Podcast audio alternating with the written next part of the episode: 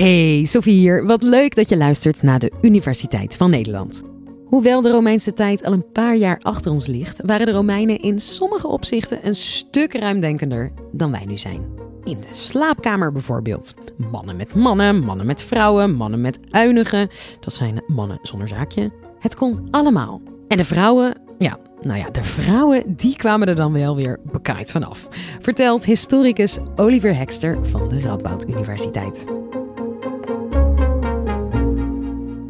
In seksualiteit was er in de Romeinse tijd veel meer vrijheid voor mannen dan er in ieder geval in Nederland opnieuw tot de jaren 50, 60, 70 geweest is. Wat we weten gaat eigenlijk alleen over de elite van het Rijk. Mensen waren vooral bezig met uh, dagelijks brood verdienen, werken en allerlei dingen om te kunnen leven. Dus alleen een hele kleine toplaag kon schrijven. Voor Romeinen was het hebben van seks met mannen totaal probleemloos. Tenminste, zolang de Romeinse man de dominante actieve man was. De term homoseksualiteit, zoals wij die noemen, werd niet gebruikt. Het hele idee dat je alleen maar relaties met mannen zou hebben, ken ik niet uit de tekst. Of was in ieder geval niet een, een normale manier van denken in de manier waarop de Romeinen over seksualiteit dachten. Maar dat een opgroeiende man ook seks met jongens zou hebben, was volkomen geaccepteerd en genormaliseerd. Daarbij was het wel belangrijk dat de eliteman, want opnieuw, we hebben het steeds hier over de verhalen van, van de elite, de eliteman de actieve partij was. Dus je mocht niet de passieve partner in seks met mannen zijn met een slaaf. Actief, geen probleem. Op dezelfde manier als oudere man was het volkomen normaal dat je seks had met jongere mannen. Maar afhankelijk daarvan worden, dat is een probleem.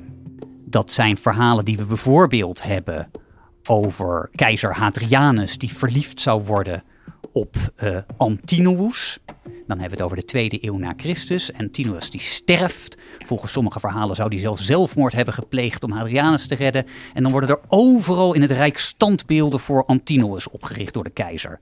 Nou, dat gaat te ver en daar krijg je een hele hoop kritiek op.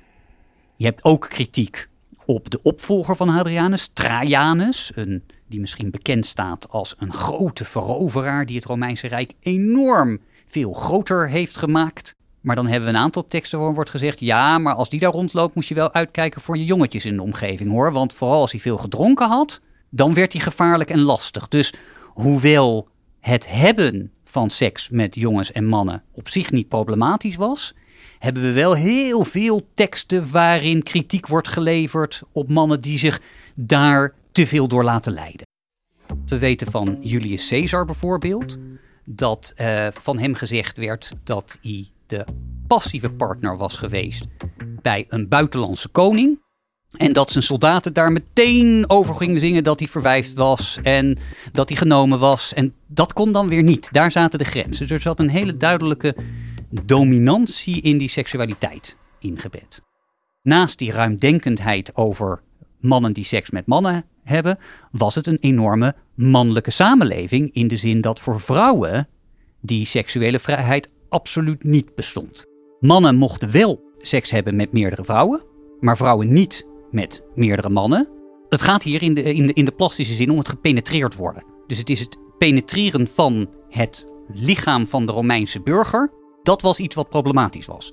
Dus mannen die slavinnen penetreerden of uh, actrices of acteurs, dat was geen enkel probleem. En actrices was een eufemisme voor prostituee. Dus die mochten, zonder dat er juridische straf op stond, seks hebben met meerdere mannen. Maar voor de Romeinse elitevrouwen was dat echt geen mogelijkheid. De moeder, de vrouw, de echtgenote, die mocht alleen maar seks hebben met haar echtgenoot. De Romeinen praten predominant over mannen en vrouwen. Maar er was een belangrijke categorie in het Romeinse Rijk en eigenlijk in de hele oudheid van de zogenoemde eunuchen. Eunuchen kennen we eigenlijk in de hele oudheid in twee categorieën. Eunuchen zijn mannen zonder geslachtsdelen. En je hebt die mannen die vrijwillig of onvrijwillig hun geslachtsdelen eraf gehakt kregen of hadden, de zogenoemde castraten.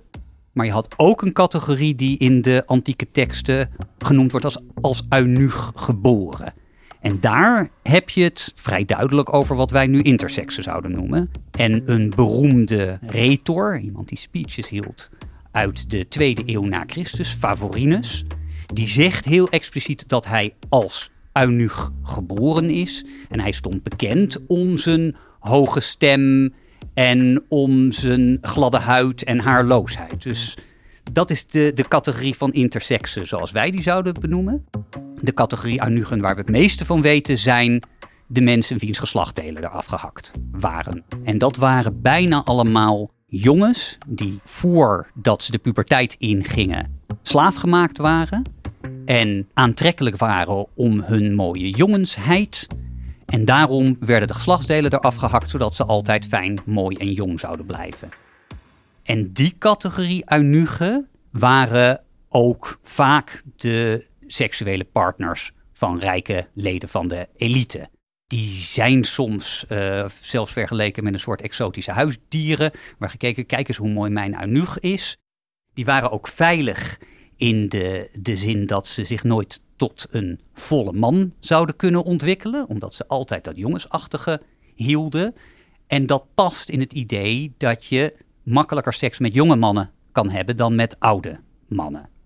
Die eunuchen, dus die slaaf-eunuchen waar ik het over heb, die, waar we het meeste van weten, zijn degenen die natuurlijk in de hoogste huishoudens werden opgenomen. En we weten van een aantal Romeinse keizers dat ze ook echt intense relaties met die eunuchen gingen onderhouden. Zo wordt van Nero gezegd dat hij zich helemaal liet leiden door zijn privé eunuch. En voor Domitianus werd dat ook gezegd. En dan worden die eunuchen vrij snel zelfs in gedichten opgenomen, in mythologische verhalen, dat de keizer zich verhield tot die eunuch, zoals Zeus, de oppergod van de Grieken, zich liet leiden door Ganymedes. En Ganymedes was een jonge jongen die Zeus in een van de mythologische verhalen gevangen had en die zijn nectar schonk.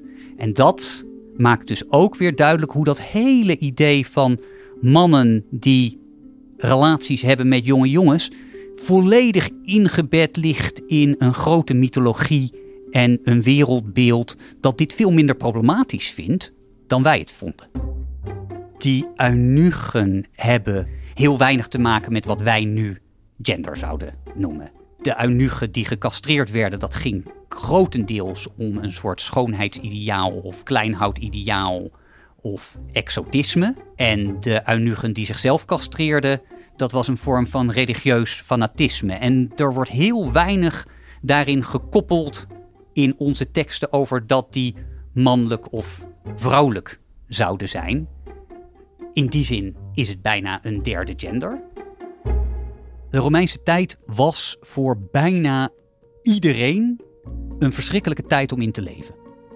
Alleen voor een hele kleine laag van de elite was het een prettigere periode om te leven. Dus zelfs als er minder kritiek was op bepaalde vormen van intersexen, zelfs als er minder kritiek was op mannen die seks met mannen hadden, kan je in bijna alle contexten beter nu leven dan in de Romeinse samenleving. Behalve dus misschien als je helemaal als man bovenaan die samenleving stond. Man, man, man. Nou, ik ben blij dat ik nu leef en niet toen. Hey, en wil jij nog een mooi historisch verhaal luisteren?